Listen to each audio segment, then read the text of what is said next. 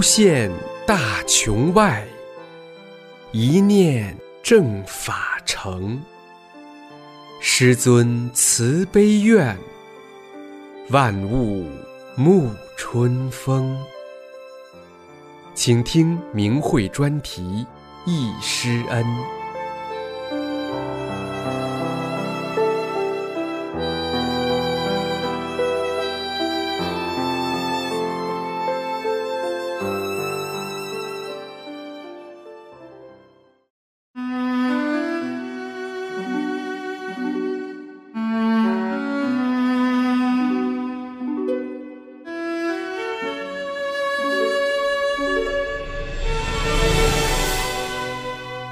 北京的大法弟子在文章中这样写道：“十五年中，无论在弘扬大法中，在大法遭受迫害中，在全面讲清真相中，我丝毫没有动摇过对大法的坚信与维护。在许许多多的场合中，都有人问我同一个问题：你见过李洪志大师吗？我总是自豪地回答道。”我见过师傅。这一句话足以震慑人心。一日为师，终身为父，对修炼者不再是传统中的师道尊严，而是超越生命的归宿，是路，是道，是光。我见过师傅，是弟子心中的骄傲，因为师尊的正直与谦和。我见过师傅，是弟子心中的荣耀，因为师尊的威严与慈悲。十几年走过风雨洗礼，道路蹉跎，大法弟子依旧慈悲在心怀，信念不曾改。抖落风尘，淡定的笑容中折射出难以忘怀的荣光。那。就是弟子与师尊近相逢的喜悦，注定了我们成为大法的见证人。回想起你传法的日夜，泪水啊，再一次洒满胸前。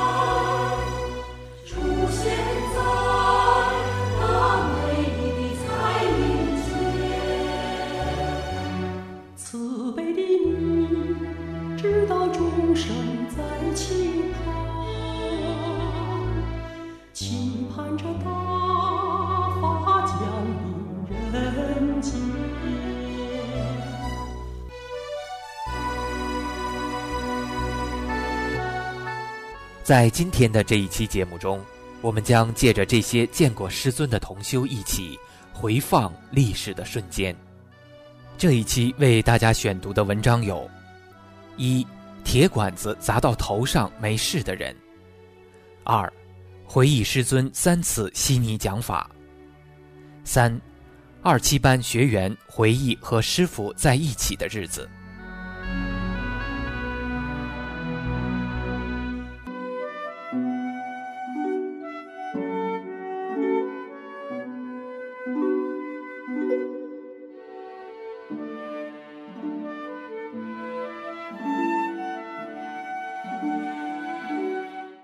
请听长春老年大法弟子口述同修整理的文章：铁管子砸到头上没事的人，即师傅在长春传法初期时的见证。我今年八十一岁，是师傅传法时的第一期学员，也就是转法轮书上说的那个一根铁管子从高楼上下来砸到头上没事的那个人。师傅您好啊，我想您呐。我知道，我说出来您就知道是我。我等您回来呀。一九九二年春天，在长春胜利公园猴山附近，师傅开始传功传法。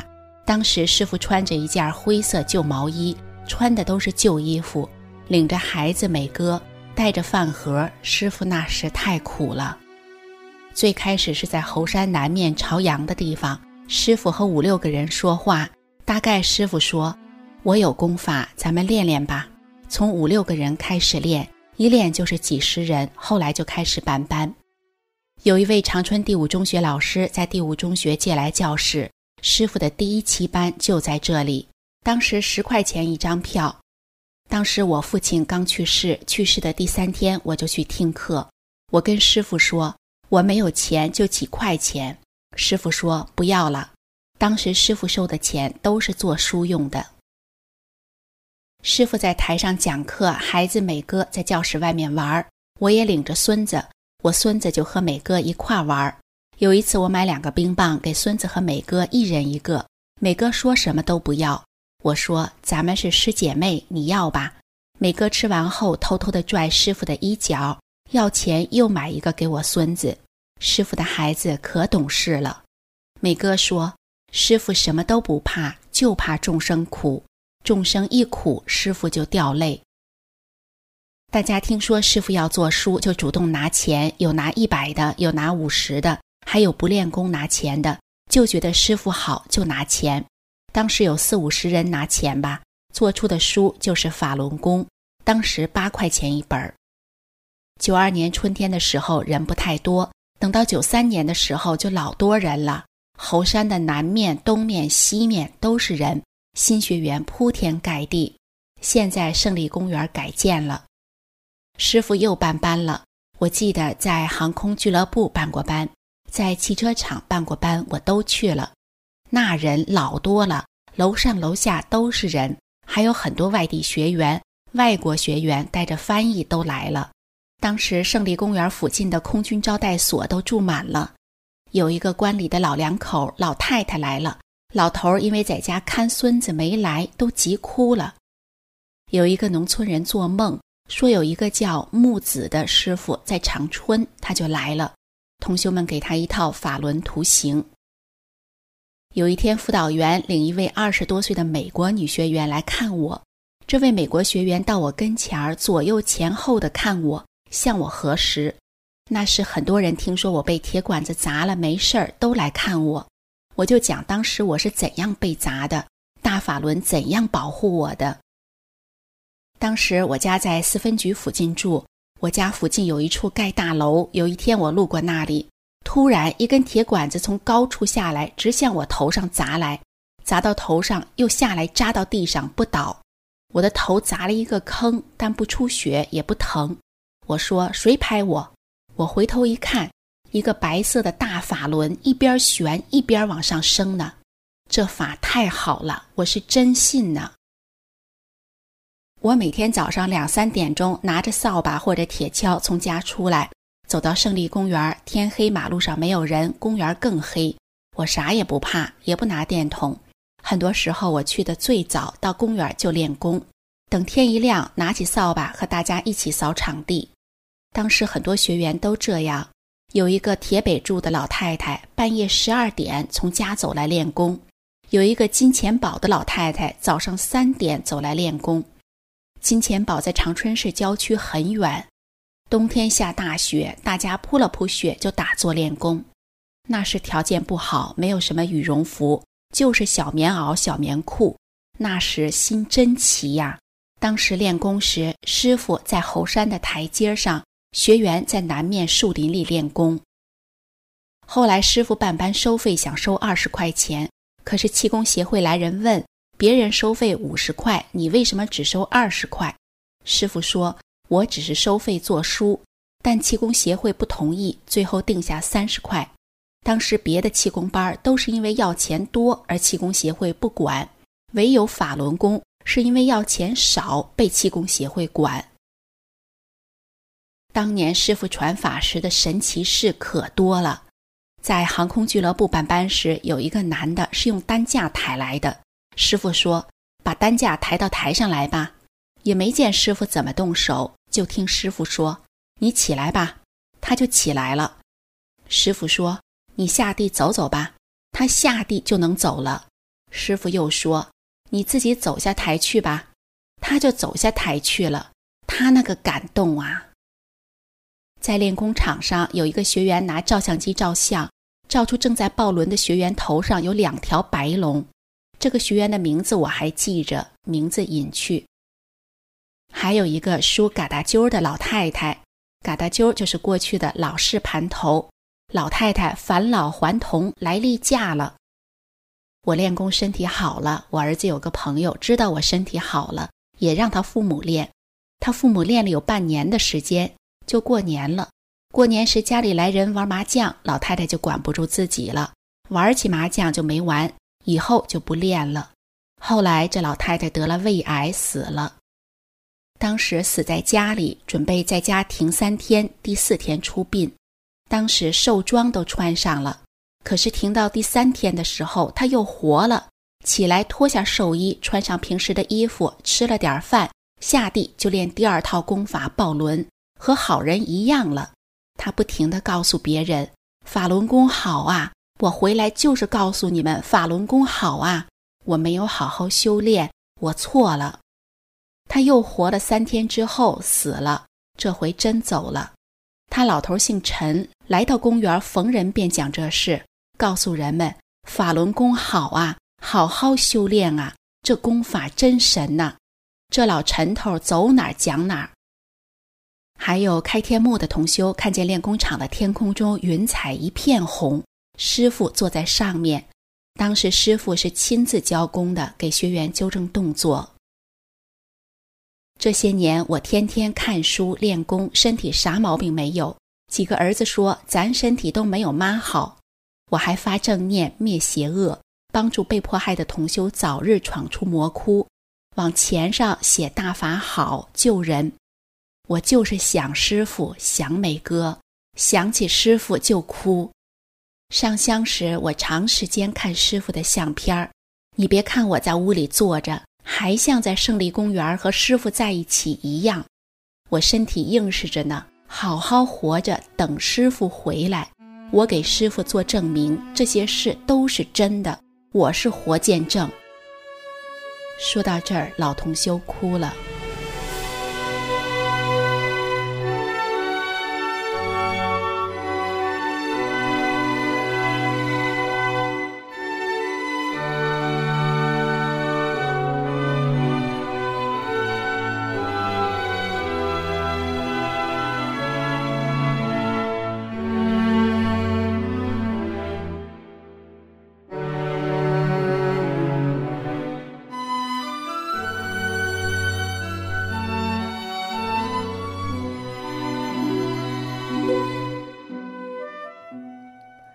下面请听澳洲大法弟子的来稿，回忆师尊三次悉尼讲法。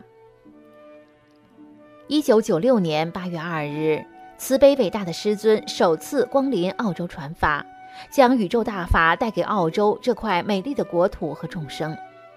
师尊曾三次亲临悉尼讲法，澳洲学员何其有幸。虽然澳洲首都定在堪培拉，而不是悉尼。但是悉尼却有着首都的气势及实际地位。从考古的角度来看，悉尼原本是达鲁克族世居之地。一直到现在，悉尼各地已经发现了超过两百个保留着石刻艺术痕迹的原住民遗址，而许多郊区的地名也仍使用原住民的语言来称呼。悉尼是一个充满个性、生机勃勃、阳光充沛的城市。白色扬帆模样的悉尼歌剧院屹立在悉尼海湾的海浪之间，连同悉尼海港大桥，为这里带来无数骄傲和欢乐。每一年都吸引数以百万计的游客来此探访。它也是进入新南威尔士州、拥抱五光十色美景的门廊。澳洲土著石画上的独特图像，桉树林里古加巴拉鸟的啼声，澳洲遍地野花的盛放。赢得世人赞誉，其为全球三大美丽港埠之一。一，一九九六年八月二日，师尊首次光临澳洲传法。当天，学员们手捧鲜花、花篮来到悉尼机场，恭候师傅的来临。当师尊高大魁伟的身影出现在出口处时，一位老弟子高兴地说：“师傅来了。”在师傅的身后是师母与小师妹，所有的学员都涌向师傅的身边，向师傅和师母问好。师傅关切地询问次日讲法的会场准备好了没有。负责联络的学员告诉师傅，已有学员在准备会场。当时学员为师傅准备了套间。师傅得知后，吩咐相关学员退掉一间房，让小师妹睡在沙发上。学员觉得。小师妹虽然年龄小，可个头高，沙发上睡不舒服，就报告师傅说房间已经定了，不可退房，才作罢。第二天，八月三日上午八点左右，师尊来到会场，与每一个在会场门口的义务工作人员都握手问候，还特意与当时唯一的一位在门口帮忙的西人学员多谈了几句。怀大志而居小节。师尊举手投足、一言一行都是身教，都是循循善诱的亲切教诲。当时，澳洲只有 Ashfield 公园和 Cambrano 公园的两个练功点，平时出来练功的学员，两处加起来才十多人。从学员得知师尊要来悉尼讲法，到真正开始讲法，也只有三四天时间。大家想，要能有一百个人来听法就好了。结果来听法的人数有两三百人，大法是超长的，有缘者自己就来了，又如何能用人心去衡量呢？澳洲首次讲法的序幕，在大家满怀期盼的热烈掌声中拉开。当时来听法的人，大部分都是未开始修炼或者刚开始修炼的人。师尊在讲法开始就强调了学法的重要。师尊讲法深入浅出，生动精炼，洪亮的嗓音伴随着穿透寰宇的无量慈悲，震撼着在场的每一个心灵。整个会场鸦雀无声。这次讲法的内容就是后来出版的《法轮佛法在悉尼讲法》。五个多小时的时间，师傅一直站着讲法，没有喝一口学员准备好的水。负责的学员几次请师傅坐着讲，同时喝口水，师傅却说：“我站着，后边的看得见。”在讲法过程中，师傅还为全体学员净化身体。讲法结束后，有学员请求师傅在转法轮书上签字，也有学员希望和师傅合影留念。当时天色已晚，而排队等签名的人很多。师傅一一满足学员们的要求，最后师尊还和在场的学员一起合影留念。一整天，师尊只在下午简短的法会间隙时间喝了口水，从早上直到天黑没吃什么，还要照顾到学员们又是签名又是照相的要求。现在想起，仍觉得我们澳洲学员真是又幸运又惭愧。师尊与几个弟子走过悉尼达令港时，对学员说：“在达令港这地方建个练功点不错嘛，这地方人也多，还免了花钱在报纸上介绍法轮功了。”师尊离开几天后，我们两三个学员就开始了在达令港练功点的周末练功。达令港练功点始终都是悉尼，也是澳洲的主要的对外练功点之一。人多的时候，练功人数超过两百人。少时也有二三十人，有很多学员从达令港练功点得法。师傅离开那天，学员们依依不舍，将师傅、师母与小师妹送入登机入口处。在候机室的大厅，学员们透过玻璃窗目送师傅的飞机离去。即将起飞时，一位学员抢拍了师尊乘坐的那架飞机。这张照片洗出来后，发现，在飞机的周围有大法轮和奇妙的能量场。二，时隔三个多月后，一九九六年十一月二十四日，师傅第二次来到悉尼讲法，给澳洲学员留下珍贵的回忆，至今仍历历在目。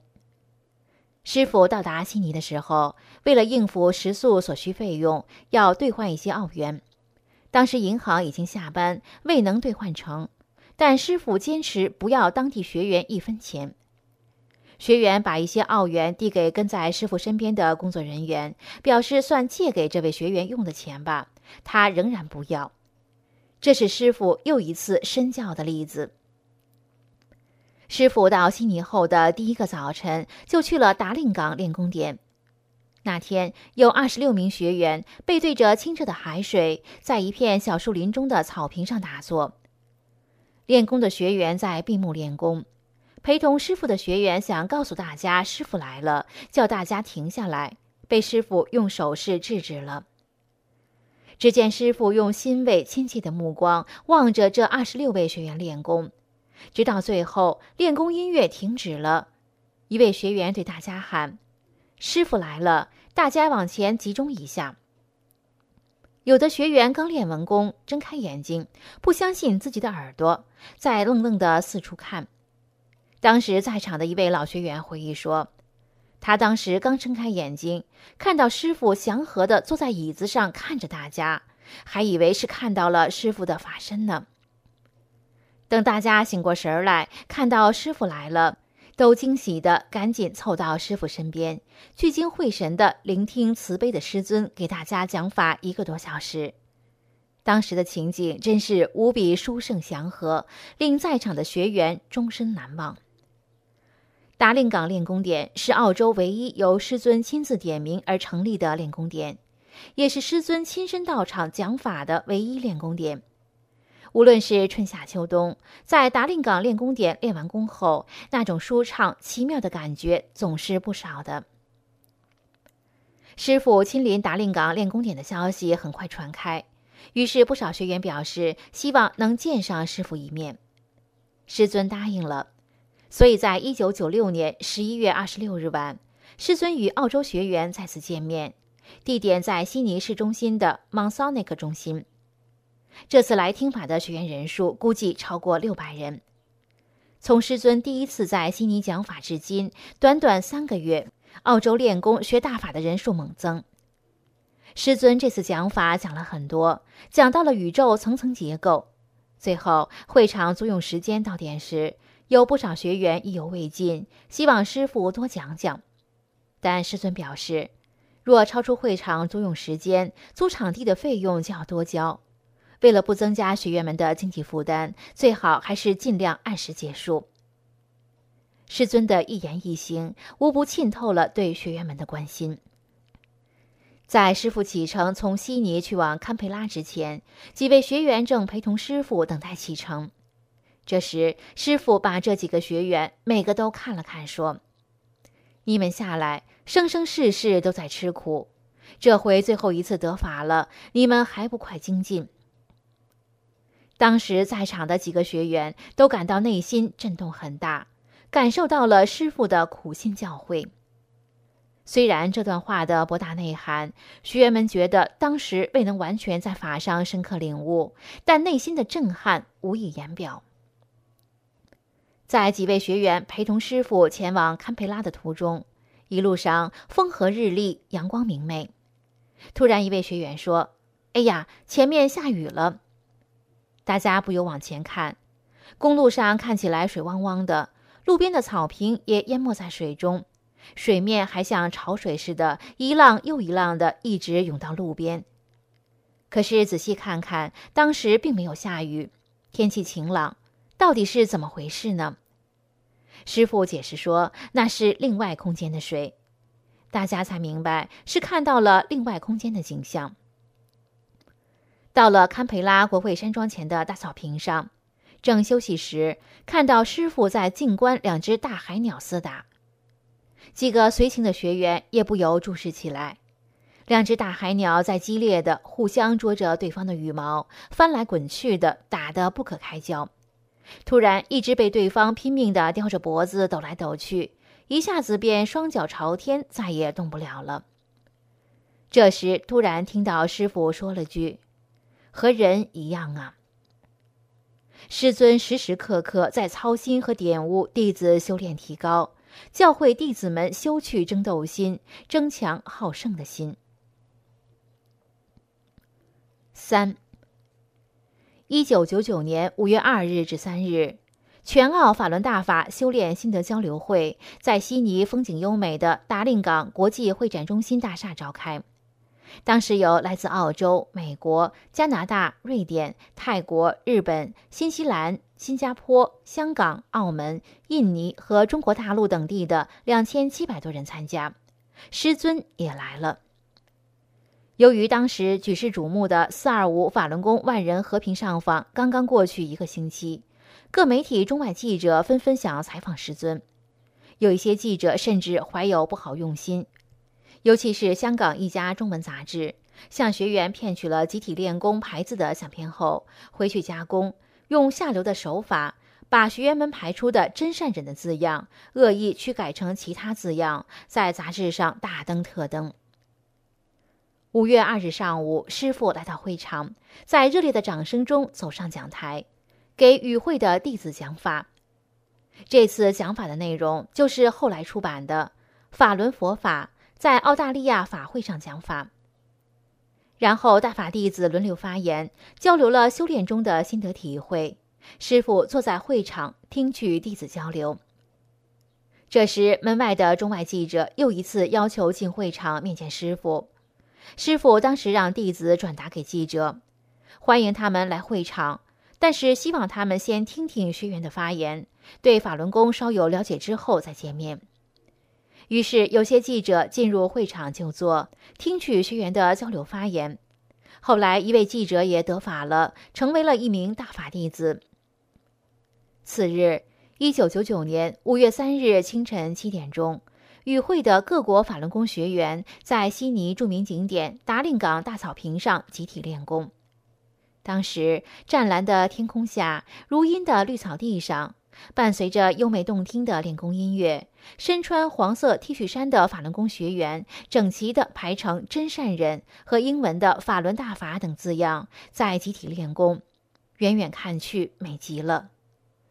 当时师傅站在瞭望台上观看弟子练功，只见师傅面带笑容，高兴地拿起话筒，对下面排字练功的弟子讲话，鼓励大家。弟子们个个睁大眼睛，惊喜地仰望着慈悲伟大的师傅，聆听师傅洪亮而亲切的声音，感到非常幸福。当时的场面十分感人，真是无比殊胜。随后交流会继续进行，这时一位学员向师傅反映，有不少带小孩的新学员还没有见过师傅呢。话刚讲了一半，师傅便说：“你记住，找个时间。”该学员便高兴地告知带小孩的学员在婴儿室等候。后来因会务需要，临时需要将带小孩的学员与小孩一起集体转移到另一个房间去。当这个学员后来突然想起师傅先前的吩咐，要去婴儿室看望大家时，才得知师傅早已经抽空去了婴儿室，看望了在场的学员和孩子们。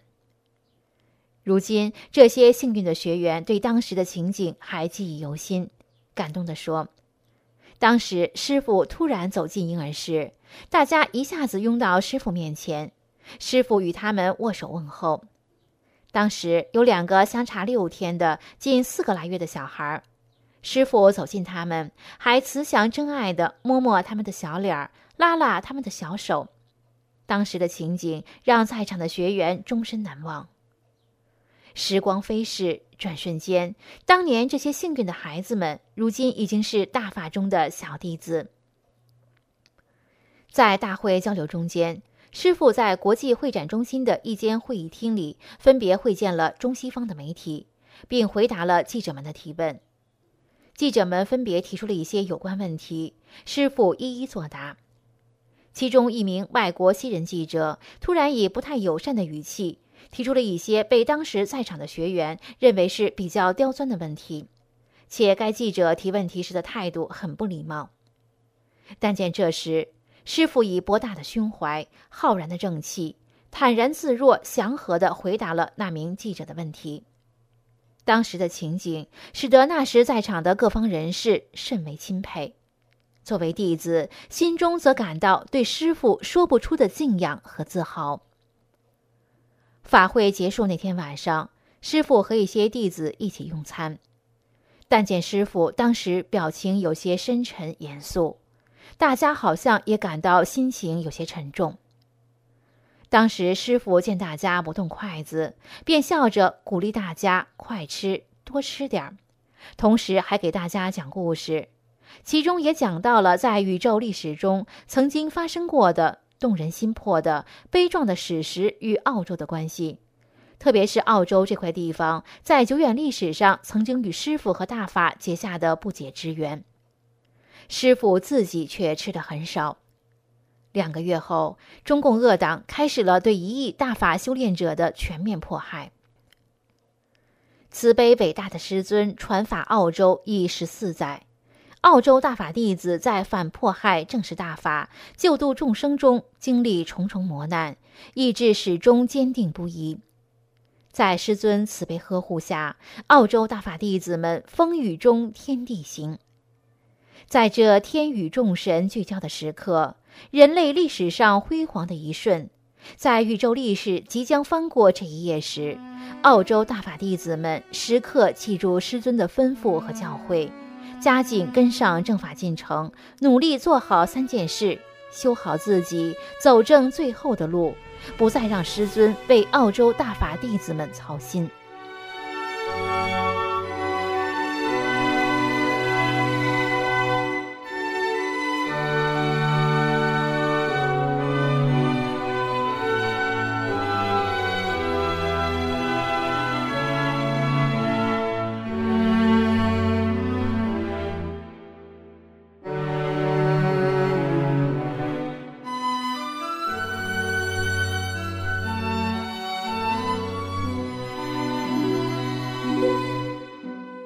下面请听长春大法弟子的来稿：二七班学员回忆和师傅在一起的日子。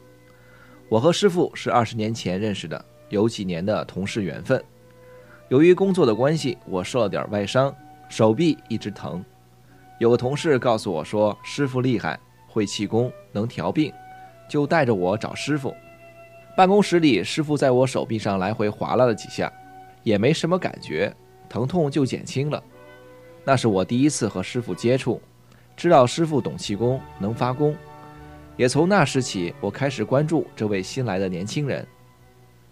师傅高高的个子，常穿着半新不旧的灰色运动服，在单位里平平常常，不显山不露水，和大家一样。工作上也不显得太突出，也不落后。单位里练节目，师傅把森锦的战友都请来了，成立一个大乐队。把下面会演奏的都召集上来排练，到下面所处单位演。师傅功力很高，但从来不表现的奇奇怪怪，显示自己我会这个我会那个。单位里只有少部分人知道师傅能调病，谁有病找到师傅，就给调整调整。有个同事手麻，师傅给他调整，手没挨上，他说就像针扎的一样。师傅告诉我说他病太多。得把他的身体化成块，一块一块的治。那时候知道师傅很有本事。迫害之后，邪党给师傅造谣。虽说大家对佛法修炼不明白，但都肯定师傅不是邪党宣传的那样。我当时身体不好，肺结核、心脏病、胃病、关节炎、头疼等。为了好病，我开始练气功。有很多事就去找师傅。师傅总是那么平和，说话很和气。练气功首先得打开劳宫穴，才能纳气发气，把身体经络打开。师傅在我手上劳宫穴位置捻了一下，说：“就开这么大吧，开大了呢没有好处，这样就行了。你练三年也练不开，这回练吧。”我告诉师傅，我儿子也练气功，说有时间也给我儿子开一下。师傅答应了。二七班时做周天法。师傅走到我儿子跟前，拿起他的手瞅瞅，用手指点住劳宫穴，一拧。我儿子说像绿豆粒儿似的，手心凉。他是最不敏感的，师傅给开穴还体会到，挺激动。练气功很多人开了天目，师傅在我眉毛上横着划了一下，又从脑瓜顶上竖着划到鼻梁处这儿，我就看到这边有亮点儿。师傅教我练天目，瞅着山根部位，我练一阵就不练了。师傅说不练那就没有办法了。师傅没传法前给我讲了一件事。上泰国看妹妹时，有一位老板请师傅给他调整治病。当时屋里坐了不少人，有个人来请师傅，直接奔着胡子很长、年纪大的人去了。长胡子那人告诉说：“不是我，是这位年轻人。”他一看师傅这么年轻，就怀疑能有功力吗？结果师傅给病人调整好了。那天到师傅办公室，看师傅在写稿，说以后要出书。那是九一年年底，师傅做卡片入门证为办班传法做准备工作。师傅常到气功协会去办事儿，有些人开了天目的，这个看这个，那个看那个。师傅伸出手来，问你看我这手里有什么？一个老太太不吱声，她却看见了，说师傅手里托着佛呢。师傅跟我说这件事的时候，我就想，佛在师傅手里托着，师傅一定比一般的佛都高。因为我家祖上就信佛，原来我就知道修佛修道的事。佛道本来就在人这儿修，没有什么大惊小怪的。平时师傅办公室鸦雀无声，别人没有话，能量在制约一切。师傅告诉我，整个这个楼都受益，都有好处，但他们体会不出来。那些年练气功，虽说有感觉，但提高的也不大。师傅说，气终归是气。没有制约作用，那时也不懂得是什么意思。就这样，师傅也没说你别练那些了，练我这个吧。有一次，师傅看我，本来身体都练开了，怎么又关上了？我就想让师傅帮我再打开。师傅说得需要挺长时间。这样吧，你参加我办的班吧，不收你钱。于是我参加了师傅办的第二期法轮功学习班。一九九二年五月二十五日晚上六点，师傅在长春市五中阶梯教室办了二期班，当时能有两百多人。二七班的学员坐在前面，台阶上面有一七班的学员，连听课带练功。参加班的老年妇女占多数，大多数都是为了去病的，有练别的气功的，好多都是佛教居士。师傅讲课两个小时。先讲一个多小时法，然后再教功。讲到关键的地方，大家听不懂了，师傅就往黑板上写写字。因为整个气功形式都是讲祛病健身，那时师傅是以气功形式讲法的，讲深了大家也接受不了。进门时，工作人员给每人一个小本，是师傅用铅笔画的练功动作图。练功动作前面介绍功理功法。比中国法轮功讲的还浅，在班上，师傅给大家下气机，因为每个人身体素质不一样，师傅告诉大家有下的，有没下的，有下的多，有下的少。我坐在后面，不知道自己属于哪种情况，问师傅给我下了没有？师傅说咋没给你下呢？还下的最多呢。办班时，师傅讲我把你们的元神给调整大了，调到五六岁小孩那么大，没有危险。不然有可能被别的东西给吃了，现在没事了。师傅还告诉大家，遇到不好的东西了，拿法轮打他。有一天没讲课之前，有个学员的身上有不好的东西，表现不正常，大家围在那儿。我们单位一个同事拿着一瓶水，师傅喝了口水，噗的往他前身一喷，都是雾。我就在跟前，雾也喷到我身上。然后师傅在他身上啪啪的给清理。以前听说过拿水喷雾调病，有人也上庙里去问过。老和尚说得把水存放一百天才能喷出雾来，说拿过水就喷出雾来办不到。一件事一件事，让你看到师傅的功力真不一般。那天在操场上做完法轮周天法往回走时，师傅跟我说：“你看见我打手势没有？”我说没注意呀，师傅说从上面来那么多佛，要下来帮着我照顾照顾。我给他们打手势，说不用，告诉他们我自己能照顾过来。我明白师傅做这件事是有佛帮着的。我有头疼病，没事儿就睡觉，听课时一边听一边睡觉。师傅说，别看你们睡觉，你们的元神都可精神了，都扒着头在那儿听。师傅讲要清理大脑，使我们处于麻醉状态，不然受不了。那时对怎么修炼还不是很清楚。我儿子听了就是感觉好，也说不出来怎么好。听完课时，师傅走到他跟前，他跟师傅说：“师傅讲的真好。”师傅表情非常平静。九天讲课，第十天答疑，学员提问，师傅解答。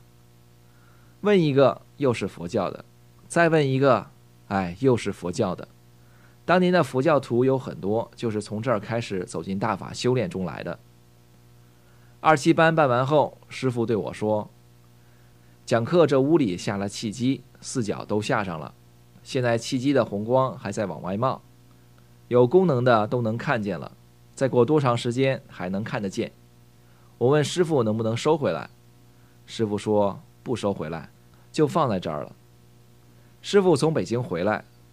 讲到手摸到哪儿哪儿都有能量，说留着有好处，这些问题后来在各地讲法班上师傅都讲了。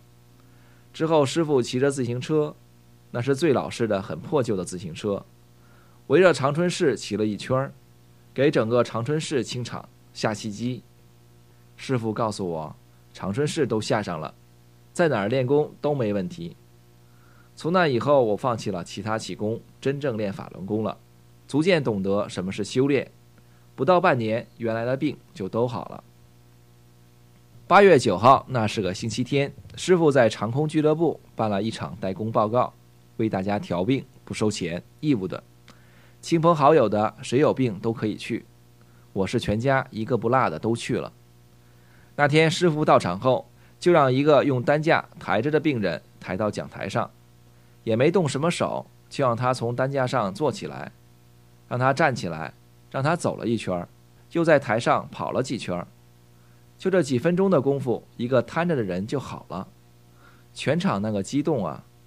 我女儿当时天幕开着，她看见师傅在台上坐着，台下对面有个大佛对着师傅，外面还有大佛，比楼还高的佛。师傅讲了一会儿课，接着打出功来给大家调病，当场见效的人太多了。我们全家的身体都有了不同程度的变化。我家族中祖辈就供一唐仙，原来我特别招那些不好的东西。睡觉时，黄鼠狼都能把我鼻子咬出两个牙印儿，咬出血。家族中的人都有心脏病。老家那儿有只狐狸，长个犄角，它把犄角往地上一扭，大家都闹心。我家最重，我上师傅家把这事儿说了，想让师傅帮着处理一下。师傅答应了。后来听妹妹说，一只老雕追那只狐狸，狐狸被撵得跑到三妹家锅台后，被老雕给叼着飞走了。师傅把那些不好的东西给清理了。从那以后，我们家族人的心脏病就都好了。后来家族中的人也大都修炼大法了。我练了几年气功，只是在动作上下功夫，没什么长进。渐渐的知道了法轮功和其他气功不一样，要同化宇宙特性真善忍，要重心性修炼，要求练功人有极高的德，欲正其心，先成其一。以后师傅在长春讲法，我都去听几天，听不全。有一阵儿总觉得有个东西往眼皮上跳，绕着两只眼睛转圈儿，再爬到鼻子尖上，钻到鼻子眼儿这耷拉着。我问师傅这是什么？师傅仔细的瞅了瞅，拍了拍我的肩膀，高兴地说：“不错，练出条小龙来了。练法轮功半年多，这么短的时间就修出生命体来了。师傅高兴，我也高兴。可他在我身体里四处窜，疼不是疼，痒不是痒的。真正走进修炼，大家各种状态都有，就去问师傅。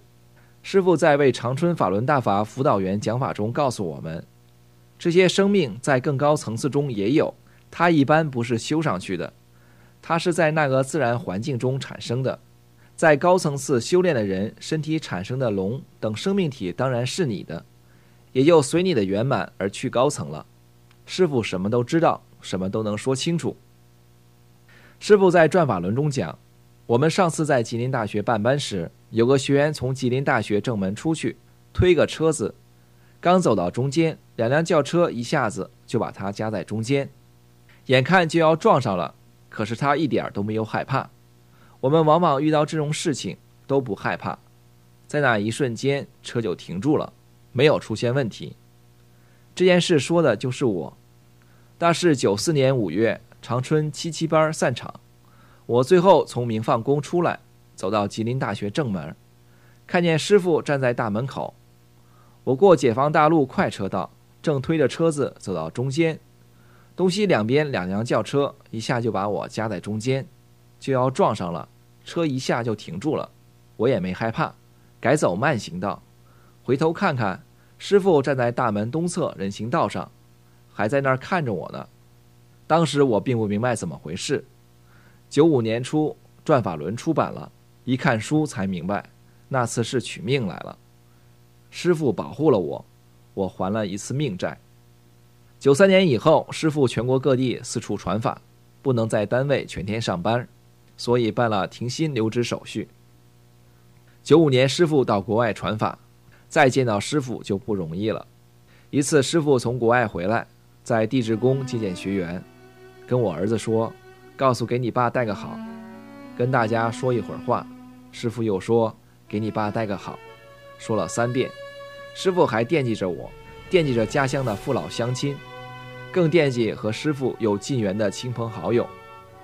十几年了，我很惦记师傅，打听师傅的一切消息，盼着迫害早一天结束，盼着师傅早一天回来。